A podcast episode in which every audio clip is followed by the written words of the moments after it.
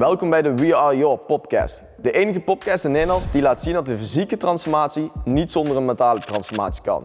In de komende 30 minuten nemen we jou mee in een nieuw inspirerend verhaal. Luister jij mee?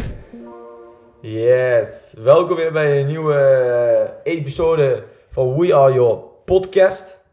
Eh tijdje geleden weer, Brian. Een tijdje geleden, ja. Druk gehad tussendoor. Nee joh. ik niet, jij wel? Ja, ja, ja, ja. We zijn weer terug van Afrika. We zijn weer eh, aan het werken. We hebben een hele drukke periode natuurlijk gehad achter de rug.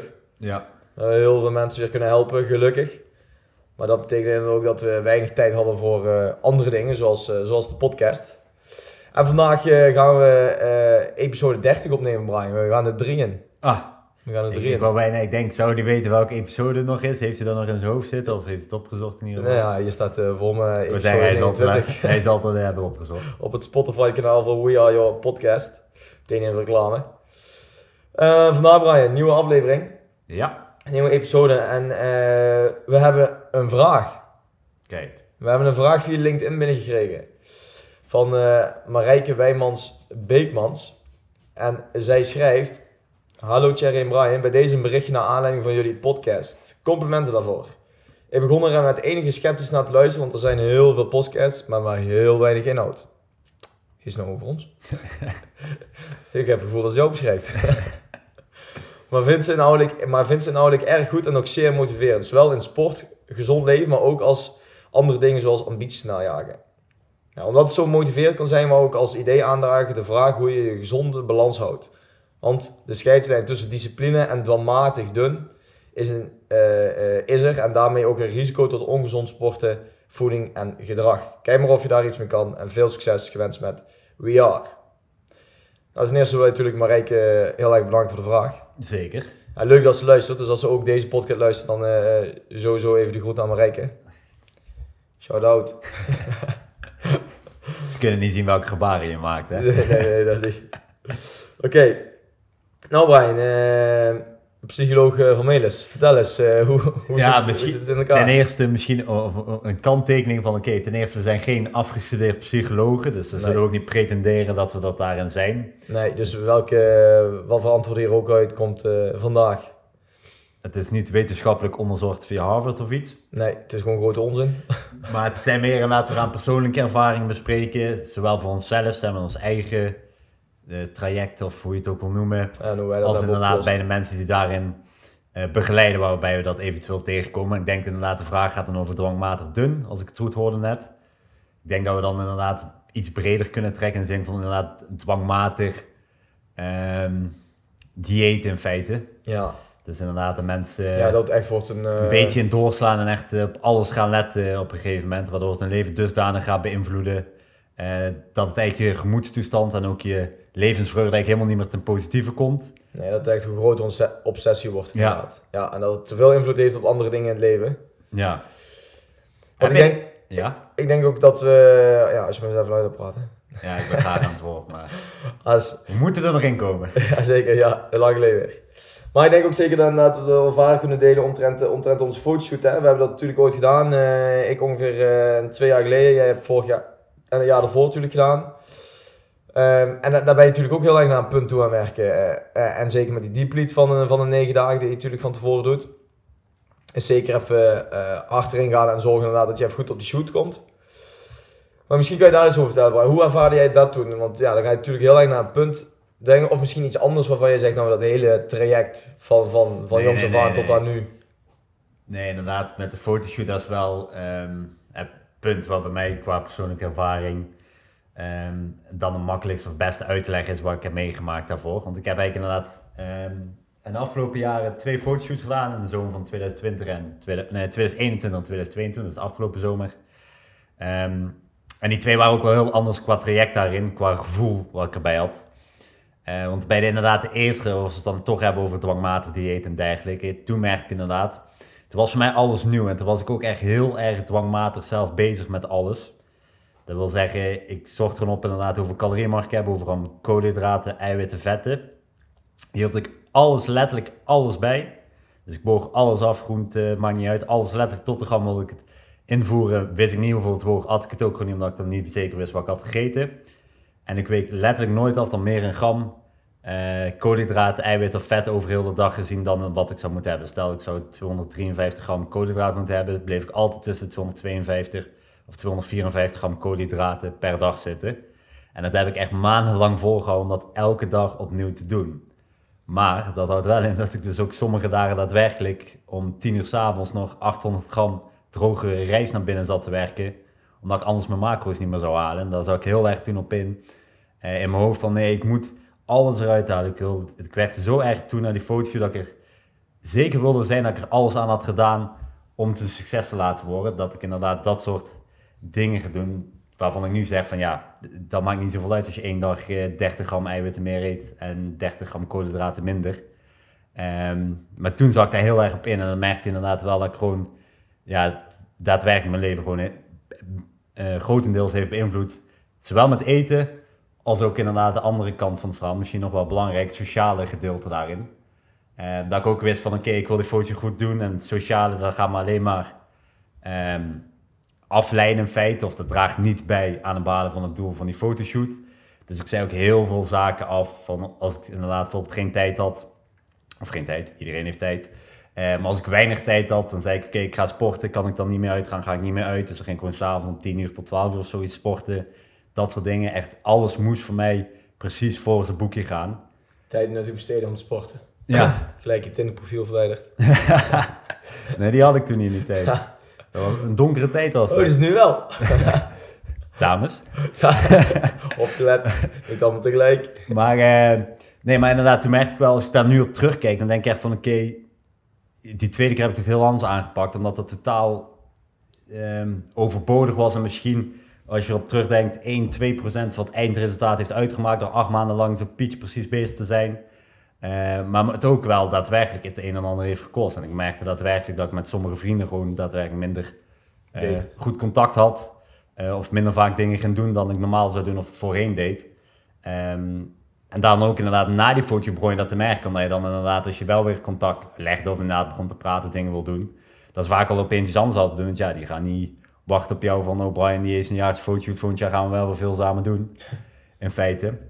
Um, dus dat is inderdaad wel een punt als ik zo daarop terugkijk. En dan de tweede keer heb ik het heel anders gedaan. Dan dat, toen deed ik dat niet meer zo. Toen was ik er niet meer zo obsessief mee bezig. Uh, waar mensen inderdaad, en dan komen we ook wel eens bij deelnemers tegen, uh, wel eens last van kunnen hebben. Of inderdaad moeilijk kunnen vinden om die balans daarin te vinden. Oké, okay, waar kan ik nog wel doen en wat niet?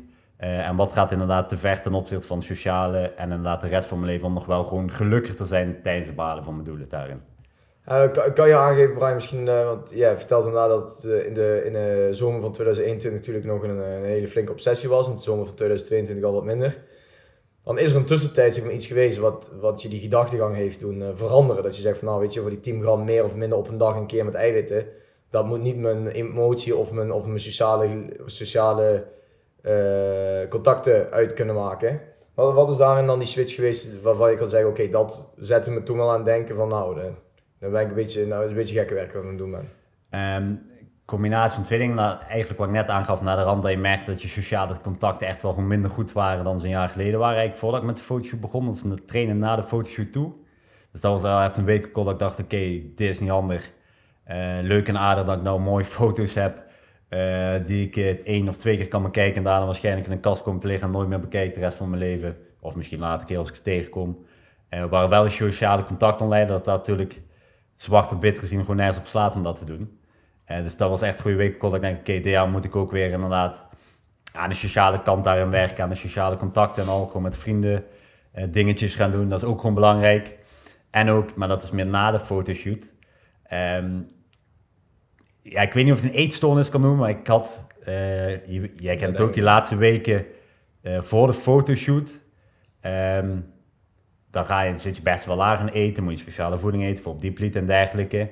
Maar ik merkte dat ik na de fotoshoot, jij kan je misschien nog herinneren, 2021, eerst waar we naartoe gingen na de fotoshoot.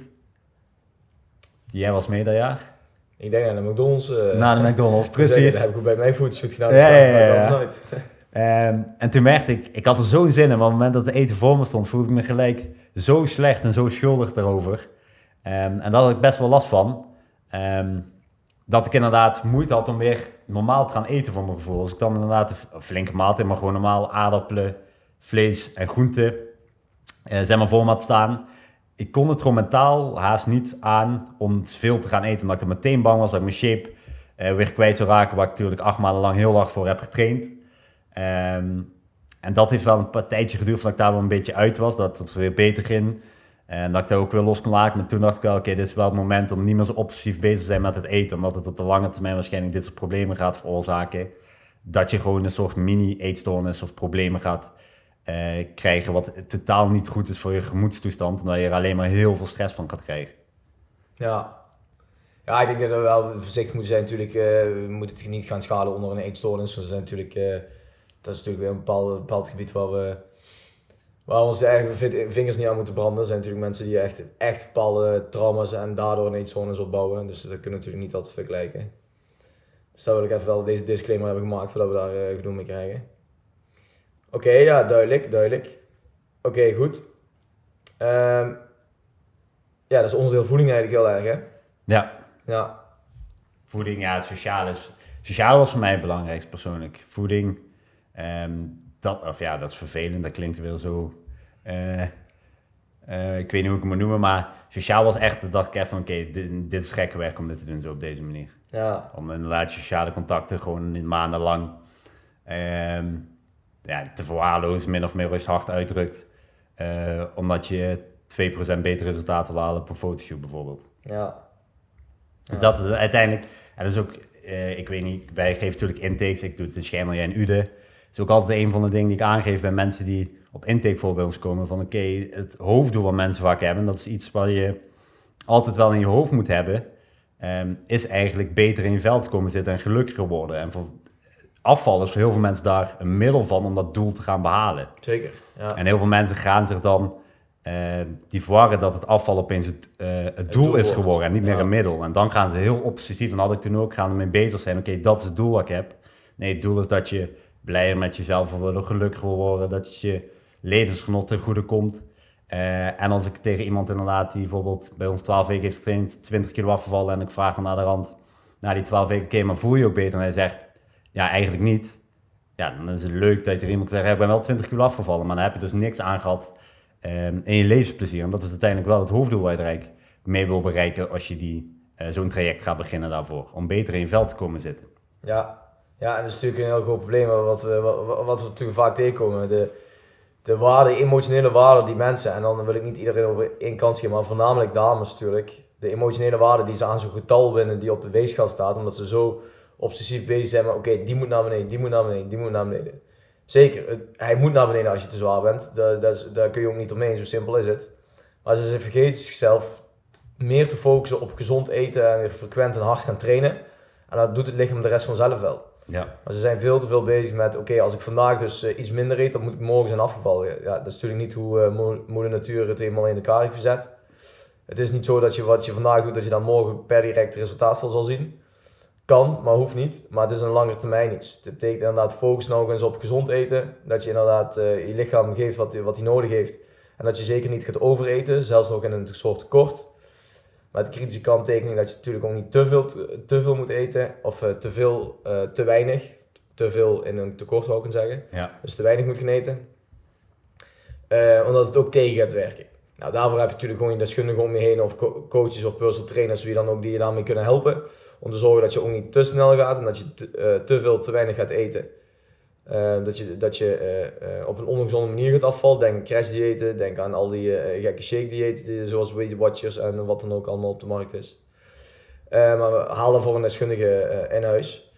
En zo'n deskundige moet jou ook kunnen helpen natuurlijk om dat emotionele wat losser te laten. En dat is misschien een, een goede, meteen een goede over, overname naar, naar een gesprek wat ik afgelopen week zelfs nog heb gehad met iemand. Die, die kwam inderdaad naar ons toe om te trainen. En uh, nou, ik zei, hoe gaat het met je? Nou, niet helemaal goed. Nou, wat, maakt, wat maakt het dan dat het niet helemaal goed gaat? Ja, vanmorgen uh, drie ons uh, aangekomen. Ja, dan zie je dat zo'n persoon dus helemaal zich eigen emotioneel bindt aan, aan zo'n getal. Nou, daar hebben we dan even goed gesprek mee. Want ik vind dat je als personal trainer niet alleen de taak hebt om, om te coachen in voeding en, en training. Maar ook in het emotionele gedeelte. En dat is natuurlijk wat heel vaak misgaat bij de meeste mensen. En waarom ze niet uh, doelen vaak behalen. Omdat ze veel te emotioneel betrokken zijn in bepaalde processen. En uh, het allemaal niet gewoon op logica uh, laten, laten fungeren. Ehm, ja, toen zei ik ook tegen haar, oké, maar wat doe je dan gemiddeld over de hele week? Wat ben je gemiddeld nou de hele week afgevallen? Nou, terugkijkend daarop was het gemiddeld 0,4 gedaald. Nou, daar kwamen hele goede cijfers uit. Ik zei, oké, dus er is niet zoveel aan de hand. Ook al ben je vanmorgen wat gestegen in gewicht, zo werkt het nou eenmaal. Als je maar iets meer aan koolhydraten eet, of je hebt misschien gisteren getraind, vandaag niet, of andersom, of je hebt iets beter geslapen, of er is iets meer stress geweest. Het kan allerlei factoren te maken hebben. Hormoonhuishouding is een hele grote daarin vaak. Ja, hormoonhuishouding, bij vrouwen voornamelijk. Hè. Dus er zijn inderdaad er zijn veel factoren die daar meespelen en dat je vochtbalans daarin een beetje fluctueert. Eén keer gaat het wat omhoog, dan weer naar beneden. Dus je zult naar gemiddeldes moeten kijken gewoon in, op data gericht, logica gaan kijken wat gebeurt er en wat zullen we moeten doen om een bepaald iets te kunnen, uh, uh, te kunnen realiseren. En niet denken, oké, vandaag eet ik dus minder en ik doe zo hard mijn best en vandaag ben ik aan het trainen, dus dan ben ik morgen een kilo lichter. Zo werkt het helemaal niet. Zo is, zo is het niet zoals het, zoals het werkt. En daarmee proberen inderdaad de mensen ook meteen te weerhouden van, oké, laat het niet te obsessief worden wat je ziet en wat je doet, maar zorg ervoor dat je logica erin bouwt. Ook inderdaad, wat we vaak zeggen tegen onze mensen, Iedereen moet bij ons iedere dag gaan wegen, zodat we gemiddeldes kunnen berekenen. Maar dan krijg ik toch wel vaak iedere dag, wow, dat is wel veel. En ja, ik word echt helemaal gek van die weegschaal. Maar je zult het moeten doen om bijvoorbeeld te kunnen zorgen dat je gemiddeldes kunt berekenen. Dus wat gebeurt er gemiddeld over week 50? Wat gebeurt er gemiddeld over week 51? Wat gebeurt er gemiddeld week 52? Zodat je op logica dingen kan beoordelen. En als het gemiddeldes niet goed zijn, Oké, dan moet je gaan kijken hoe kan ik dit plan aanpassen om te zorgen dat die gemiddeld wel in de groene cijfers gaan komen, dus in de goede cijfers. In plaats dat je dag op dag kijkt en daar veel te obsessief mee bezig gaat. En dat is een hele moeilijke opgave voor veel mensen, dat weten we. Dus dat ga je ook niet binnen drie dagen even omgooien en zeggen van dat gaat me lukken. Dan moet je jezelf iedere dag bewust tegen jezelf zeggen: Oké, dit is een stukje van een hele grote puzzel, van een avontuur waar ik mee bezig ben, waar we van A naar B gaan, maar dat heeft tijd nodig om er eigenlijk voor te zorgen dat ik mijn doel behaal. Focus je op gezond eten, focus je op frequent, maar wel hard trainen. En dan doet het lichaam het, de rest vanzelf wel. Dat is belangrijk, dat je dat in ieder geval meeneemt. Zeker. En daarom is het ook zo belangrijk onder andere om echt een plan van aanpak van tevoren op te stellen voordat mensen gaan beginnen. Dat je iets hebt waar je op terug kan vallen. Dus bijvoorbeeld inderdaad een echt voedingsschema. Um, wij weten inderdaad eerst voedingsschema mensen krijgen is vaak inderdaad, of ja, geen strak schema, maar inderdaad wel veel op bepaald van oké, wat mogen ze allemaal eten daarin? Ja, ja. Dat ze altijd iets hebben om op terug te vallen en zo praktisch mogelijk voor de deelnemers te maken, uh, zonder dat je zelf heel veel energie kost. Want het is al een hele grote verandering. Uh, wat mensen doormaken, inderdaad, de omschakeling mensen moeten gaan maken. Op het moment dat ze dan ook nog heel veel energie gaat kosten, maar continu bezig zijn met voeding, dan maakt het er niet makkelijk op. Dan wordt het te veel tegelijk voor mensen. Daarom is het belangrijk, oké, eigenlijk een vrij simpel, makkelijk plan, maar wel effectief plan. Daar inderdaad de basis goed onder controle krijgen. En dan daar inderdaad gaan mensen het aanleren. Waar ze allemaal op kunnen letten. Wat ze allemaal wel en niet beter kunnen doen in bepaalde situaties. Zodat ze daar een duidelijke beeld bij krijgen. En dat ze inderdaad ook merken uh, hoe ze dat binnen hun eigen leven uiteindelijk ook toepasbaar kunnen maken. Ja, nou, helemaal mee eens. Helemaal eens. Ja, dat is, dat is belangrijk. En uh, misschien een voorbeeld nog uit het persoonlijk verhaal. Ik, een tijd geleden hadden we het toen was inderdaad, en vandaar dat we ook de podcast natuurlijk uh, niet lange tijd niet hebben gedaan. Op een gegeven moment werd ook, we kwamen door een super drukke periode heen. natuurlijk zomervakantie was geweest, iedereen meldde zich aan. En het werd druk en het werd drukker en drukker en meer lessen en meer lessen. Dat op een gegeven moment ook tegen elkaar zeiden oké, hier moeten wij daar een grens gaan trekken, want ja, nu zijn er wel erg veel per week. Maar door die drukte kwam ik ook zelf vaak in de knoei met, met, met, met mijn tijd. En toen op een gegeven moment toen dacht ik, ja, oké, ik moet mijn tijd anders gaan indelen, want ik kom niet al mijn taken zo af. En toen op een gegeven moment ging het trainen, ging me eigenlijk ook een beetje in de weg zitten. Voor de eerste keer eigenlijk in, in, in zoveel jaar dat het trainen me een beetje tegen stond te staan. Omdat een uur tot twee uur van, van, mijn, van, mijn, van mijn dag afsnoepte. Terwijl ik andere taken niet helemaal afkreeg. En toen ben ik ook een keer in gesprek gegaan met mezelf. Klinkt heel schizofreen. Dat doe je altijd. ja, dan komt het dat je altijd wijze les moet vragen aan een wijs man. Dus ik vraag dat aan mezelf. Maar die, uh, en toen dacht ik van, oké, maar waarom ben ik ook iedere dag aan het trainen, terwijl ik tijd tekort kom deze week? Zou ik dan niet andere dingen even in moeten plannen? En ja, kritisch ook kijken naar hoeveel zit je op je telefoon, zit je voor de tv. Maar dat zat ik die tijd bijna helemaal niet, want je, we waren alleen maar aan het werk. Dus dacht ik, oké, ja, waarom train ik ook iedere dag? Kan ik niet hetzelfde resultaat behalen met één of twee keer per week misschien minder trainen? Dat ik ja, vijf keer per week train, misschien zes keer per week train. Maar in ieder geval dat ik mezelf even die 1 tot 2 uur meer uh, gun in de week.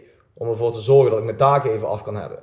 Toen merkte ik ook van oké, dat elke dag trainen valt op dit moment niet goed qua tijd. Ik moet het toch herhalen, maar het gaat me irriteren in de zin van ik leef me stress op, want ik krijg mijn andere taken niet af. En toen werd het ook een beetje een obsessie. Dat ik dacht, oké, ik moet mezelf wat meer ruimte gunnen. En in deze periode even wat minder kunnen trainen. En minder is nog steeds 4, 5 of 6 keer per week. Dus dat gaat niet terug naar één keer per week. Dat het nog wel een hoge frequentie is om je resultaat te kunnen halen. Maar niet meer iedere dag. Dus daarvoor inderdaad zal je inderdaad ook soms ook keuzes moeten maken. En daarbij goed kunnen nadenken. Oké, wat is op dit moment echt belangrijk even om te doen en af te hebben. Want het ging over echt wel belangrijke taken die af moesten. Waar, je, waar we gewoon niet omheen konden. Uh, en daarbij uh, de, de, de, de afweging maken, of op de weegschaal leggen van oké, hoe vaak moet ik dus wel kunnen trainen om bepaalde resultaten te halen. Nou, dan ging ik terug naar vijf keer per week trainen, twee dagen per week niet. Dan had ik genoeg rust. Dan kon ik mijn taken extra uitvoeren. En ik merkte dat ik toen, oké, nu heb ik veel meer die balans. En daardoor had ik weer eh, plezier terug erin. En werd het niet zo'n obsessie. En ging alles weer van een wat, wat makkelijker, uh, in een makkelijker ritme. Waardoor het weer was zoals het, uh, zoals het altijd is geweest. Ja, ja, kijk, als je. Uh, wij trainen al natuurlijk al jarenlang tegenwoordig. Nou, dat is niet te zien, maar. ja, klopt.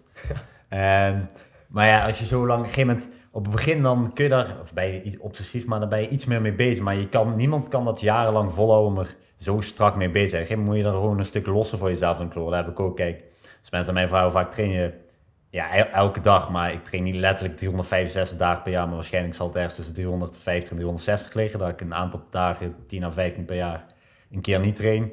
Omdat ik ook inderdaad, soms heb je dagen dat je gewoon merkt, oké, het is te druk, ik ben echt gewoon vermoeid, ik, ik heb niet goed geslapen. Uh, dan, kun je, dan is het soms maar even beter op dat moment inderdaad, ook voor je stresslevel, want ook dat is allemaal heel belangrijk. Dat je voldoende rust krijgt, dat je stress niet hoog wordt en dergelijke, dat heeft ook invloed op het resultaat dat je dan maar een keer zegt, oké, dan train ik vanavond niet, gaan we morgen verder. Want dat brengt je even rust voor die dag. Zeker, en ook dat je de trainingen die je allemaal doet, uh, is ook bewijs van, ik noem maar even iets uit mijn hoofd, uh, bewijs 5% van alle trainingen zijn ook niet voluit. Dat zijn dan trainingen van, om je hoofd even leeg te maken, om even te ontspannen. Je bent wel aan het trainen, maar niet om jezelf helemaal te slopen zoals je normaal doet. Om daarin ook inderdaad wat meer rust te krijgen.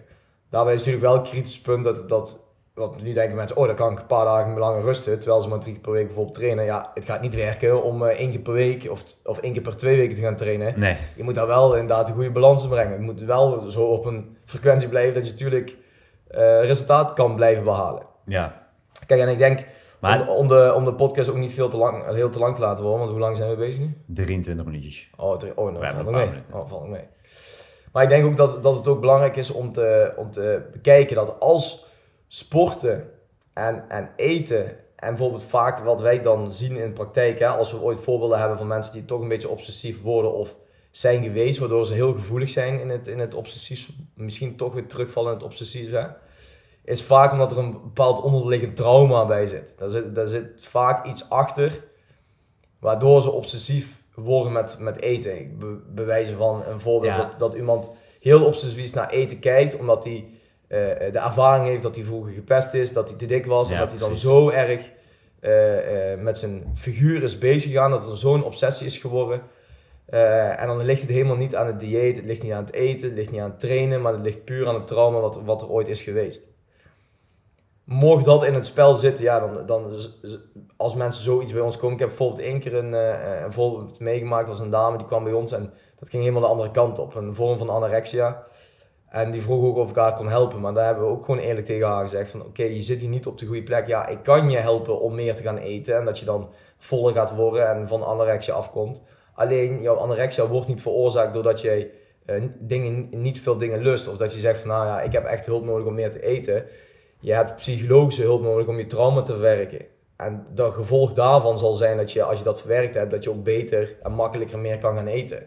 Maar je bent hier niet aan het goede adres. Ik kan je niet helpen met die obsessie. Dus als het vaak is het bij een obsessie dat er echt een onderliggend trauma achter zit. Ja, dan moet je eerst gaan zoeken, oké, hoe kan ik dat trauma gaan wegwerken in plaats dat je uh, gaat zoeken in eten of, of uh, uh, trainen. Ja, en het is inderdaad per persoon. Terugkomt er wat je net zegt. Um, één keer per week of één keer per twee weken is natuurlijk te weinig. Maar je moet voor jezelf ook nagaan, oké, wat, wat heb je bijvoorbeeld liever? Heb je liever dat je over um, zeg maar een maand, twee maanden een bepaald gewicht hebt bereikt, maar dat heel veel moet laten? Of heb je dan liever dat je zegt, eh, ik doe liever drie, vier maanden over. Um, alleen dat ik iets los kan doen en bepaalde dingen nog wel kan doen. En dan doe ik er maar iets langer over, maar dan voel ik me wel veel blijer. Kijk, dat is natuurlijk per persoon afhankelijk. Uh, je hoeft niet al per se morgen het resultaat te hebben. Als je zegt van ik wil een bepaald resultaat, maar ik wil ook dan nog kan of dit blijven doen, of ik wil het weekend nog bepaalde dingen blijven doen. Um, en maar twee of drie keer in de week gaan sporten. Ja, dan kan het zijn dat het wel langer duurt dan een bepaalde tijd. Ja, dan zijn dan maar zo. Maar als je daar blij van wordt en gelukkiger en beter in je vel door blijft zitten, is dat misschien wel gewoon de beste manier voor jou om dat te gaan hanteren. Dan inderdaad oppressief zeggen, nee, maar ik heb gehoord dat ik vier keer per week moet trainen, dus ik ga vier keer per week trainen daarin. Ja, weer een goed praktijkvoorbeeld inderdaad. Uh, gesprek uh, een aantal weken terug met een van onze deelnemers gehad. En uh, die wou graag inderdaad naar een bepaald doelstelling. Nou, die had ze binnen enkele weken had ze die eigenlijk al gehaald. Ging vrij rap en ze deed ook super goed haar best. Dus dat, dat scheelt natuurlijk een hoop. Maar toen zei ze, nou, dan hebben we dit al gehaald, dan wil ik toch graag richting de 60 kilo.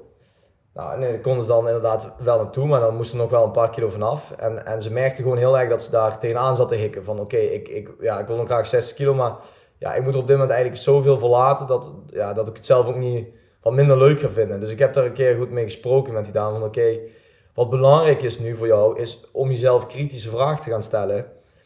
Wat vind je, uh, welke doelstelling wil je nog graag behalen? Dan weet je wat je daarvoor moet opofferen of voor moet doen. En word je daar ook echt gelukkig van. Want je kunt wel naar die 60 kilo gaan. Maar dan is het daar ook nog blijven. En als daar een leefstijl binnen die kaders past om 60 kilo te wegen, waarvan jij weet, oké, daar word ik ziels ongelukkig van. Want ik weet dat ik dan maar één keer per zoveel tijd in het weekend iets echt iets kan doen. Of dat ik uh, uh, uh, iedere dag dit moet, zal moeten gaan eten om die 60 kilo vast te weten te houden. Met mijn, met mijn genen wat ik van moeder natuur heb gekregen. Dan, dan moet je zelf gewoon kritische vraag stellen. Oké, zoek die balans. Waar, wat voor resultaat wil je? Wat heb je daarvoor nodig? Qua, qua opofferingen en, en inzet en effort. En word je daar gelukkig van? En als die, weegschaal helemaal uit verhouding is, ja, dan moet je natuurlijk daarin gaan bijstellen. Ja, ja wij zitten ook niet het hele jaar door uh, hetzelfde lichaam als we bij de fotoshoots hadden. Want dat vraagt iets dusdanig uh, zwaars of iets dusdanig vraagt dat van je qua eten, qua trainen, qua specifieke dingen. Dat willen wij ook niet heel het jaar doen om dat lichaam vast te houden daarvoor. Bij ons is het ook inderdaad van oké, okay, wij willen ook nog bepaalde dingen doen. En dat past misschien niet bij dat je heel het jaar door op een vetpercentage zit van 6% als je die dingen wil blijven doen op dat moment. Nee, dat zei je zo. Ja, ja, ja, en dat klopt. Kijk, want moeder natuur heeft natuurlijk, werkt zo, als jij je lichaam traint tot een bepaald niveau, zal jij op dat niveau moeten blijven functioneren. Dus een aantal keer training, een bepaalde, uh, dat, een bepaalde uh, uh, prikkels aan je, aan je lichaam geven. daarbij de passende voeding hebben om dat, om dat lichaam te kunnen behouden. Om die kracht te kunnen behouden, om die shape te kunnen behouden. Nou, als je zegt, dat vind ik niet erg, dat vind ik, vind ik oké. en dat is voor mij, vind ik prima, word gelukkig van en dat past bij mij. Dan kan je dat doen. Maar het is natuurlijk een illusie om te denken, oké, dat train ik me één keer naar dat lichaam toe. Dan heb ik dat lichaam en dan kan ik daarna weer inderdaad terugvallen in bepaalde leefstijlen die, ik leuk vind. En dat, die PC blijf ik dan wel houden. Nee, dat, Zo werkt het niet. Moeder natuur is natuurlijk zo gebouwd dat je dan ook weer, het lichaam gaat zich eigenlijk weer aanpassen op de leefstijl die je op dat moment hebt. Ja, als je hetzelfde gaat doen als je altijd hebt gedaan, dan is het een kwestie van tijd dat je ook komt te staan waar je stond toen je begon. Ja. Zo werkt het nu eenmaal. Ja de, de, wet van wederkerigheid. Hè? En op het moment dat je, dat je de prikkel niet meer geeft, dan uh, gaat, het gewoon weer, uh, gaat het gewoon weer downgraden. Dus je moet je afvragen. Kijk, je kunt jezelf dus optrainen naar dat niveau. Heel veel. Maar op het moment dat het, uh, dat het niet bij je past, ja, dan gaat het inderdaad een obsessie worden. Dat je maar probeert, probeert en te rammen en te rammen en te rammen. En wat Brian zegt, je levensgeluk wordt er niet, niet groter door.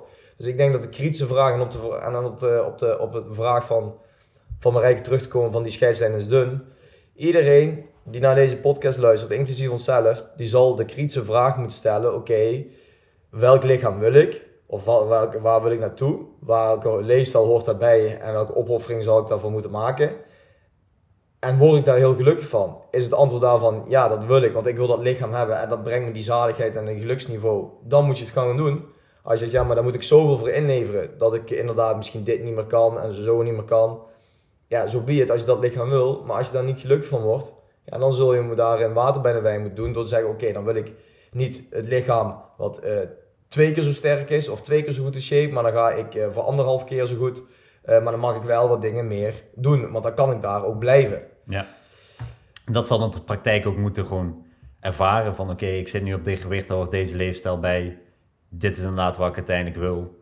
Ehm, dat is van tevoren misschien voor sommige mensen lastig in te schatten natuurlijk. Ja, dat is al, uh, Ehm, aldoende maar op een gegeven moment inderdaad dan leren, of merken we ook bij dat DNM's, kom je op een punt dat ze zeggen van, ja, nu ben ik eigenlijk wel tevreden.